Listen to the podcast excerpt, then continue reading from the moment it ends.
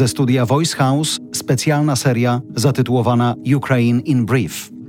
To zapiski z ukraińskiego frontu przygotowywane przez Agnieszkę Szypielewicz. Aga właśnie teraz miała dołączać do naszej redakcji, żeby opowiadać słuchaczom naszych podcastów porządnie napisane historie. Dołączyła w momencie dla niej prywatnie bardzo trudnym.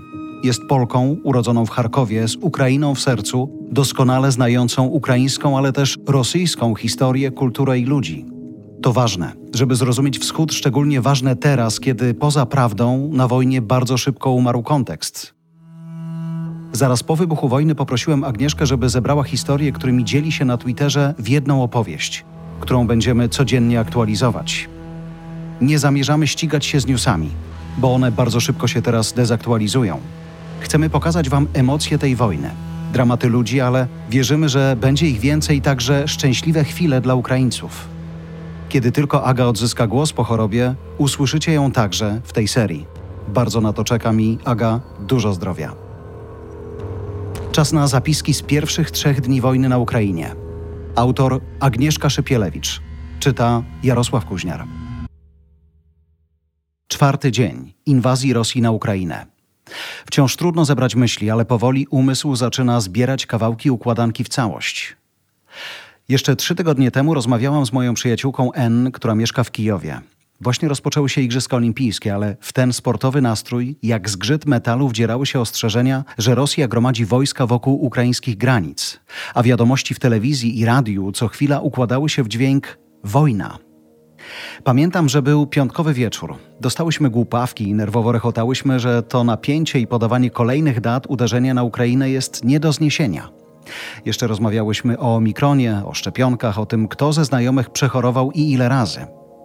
Przypomniałam sobie, że już w listopadzie 2021 roku pisałam do niej, że w Polsce poważnie się obawiamy, czy Rosja nie rozpocznie wojny z Ukrainą, żeby przejąć Odessę i Donbas.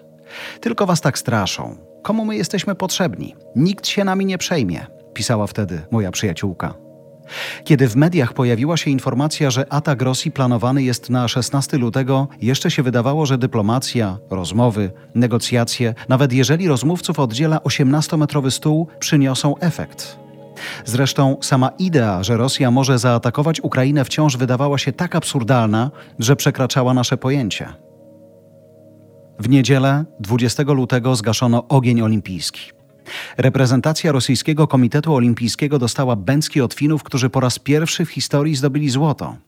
Swoją drogą to miło ze strony Władimira Putina, że pozwolił światu obejrzeć ceremonię zamknięcia Igrzysk Olimpijskich. Obstawiam jednak, że chodziło o to, by nie rozzłościć Chin, którym wizerunkowo bardzo zależało na ich organizacji. A potem nadszedł poniedziałek, 21 lutego, kiedy Władimir Putin uznał niepodległość tzw. Tak republik ludowych Donieckiej i Ługańskiej. Od tej chwili niech zamiast mnie przemówią wiadomości od moich przyjaciół i znajomych z Kijowa, a także od ludzi, których znam wirtualnie. Układają się w mozaikę strachu i desperacji. Ich wypowiedzi są anonimowe ze względów bezpieczeństwa. 21 lutego nie sądziliśmy, że Putin będzie takim debilem. To idiotyczna decyzja, ten Donbas. No bo co teraz? Powiedziałeś A, musisz powiedzieć B. 22 lutego. Wyrobiłam paszporty dla kotów i psa. Zobaczymy, co dalej. Mamy broń myśliwską i dwa pistolety. Zatankowaliśmy auto do pełna. Nie wiem, co jeszcze możemy zrobić.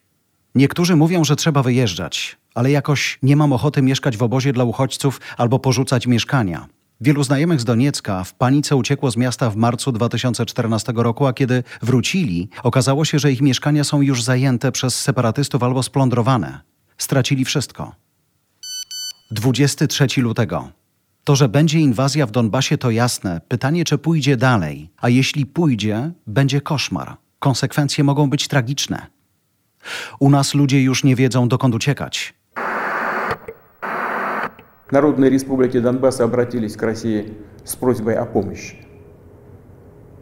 В связи с этим, в соответствии со статьей 51 части 7 Устава ООН, санкции Совета Федерации России и во исполнение ратифицированных Федеральным собранием 22 февраля сего года договоров о дружбе и взаимопомощи с Донецкой Народной Республикой и Луганской Народной Республикой, мною принято решение о проведении специальной военной операции.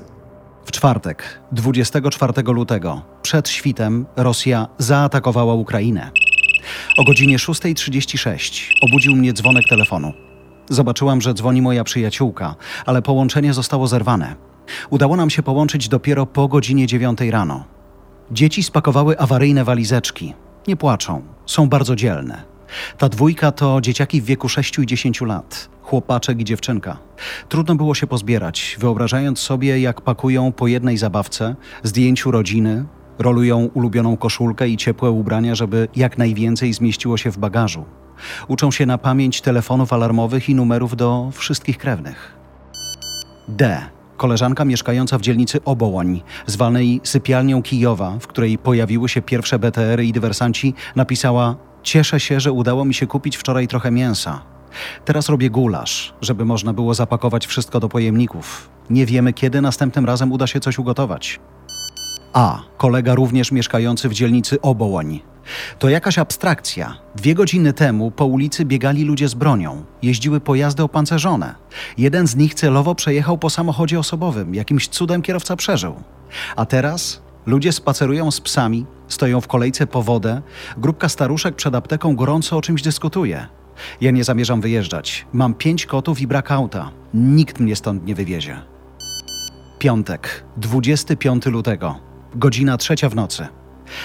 Nie wiem, czy wyjdziemy z tego żywi. To koszmar. Mam dzieci. To, co teraz się dzieje, jest przerażające. Dziś wszyscy sąsiedzi wyszli z mieszkań, kiedy zawyły syreny. Schowaliśmy się w garażu.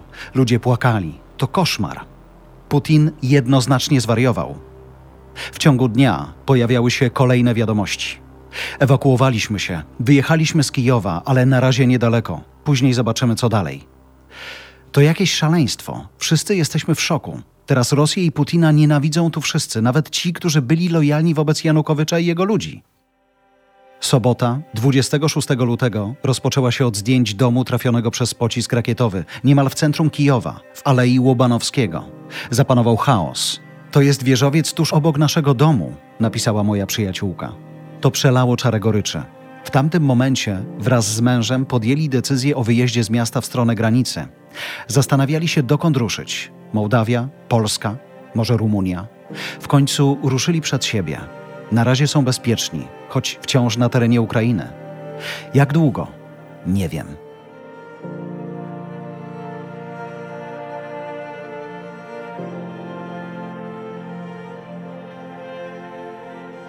Dziękuję za Twoją uwagę. Podziel się tymi historiami z bliskimi. Wyślij im link. Daj im szansę poznać te wojenne emocje, żeby każdy z nas rozumiał, co w ukraińskich i rosyjskich sercach i głowach się dzieje.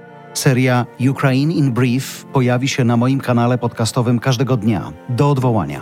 Zasubskrybuj na Apple Podcast i Spotify. Pilnie dowiesz się wtedy o nowym odcinku. Dziękuję, że jesteś tu z nami.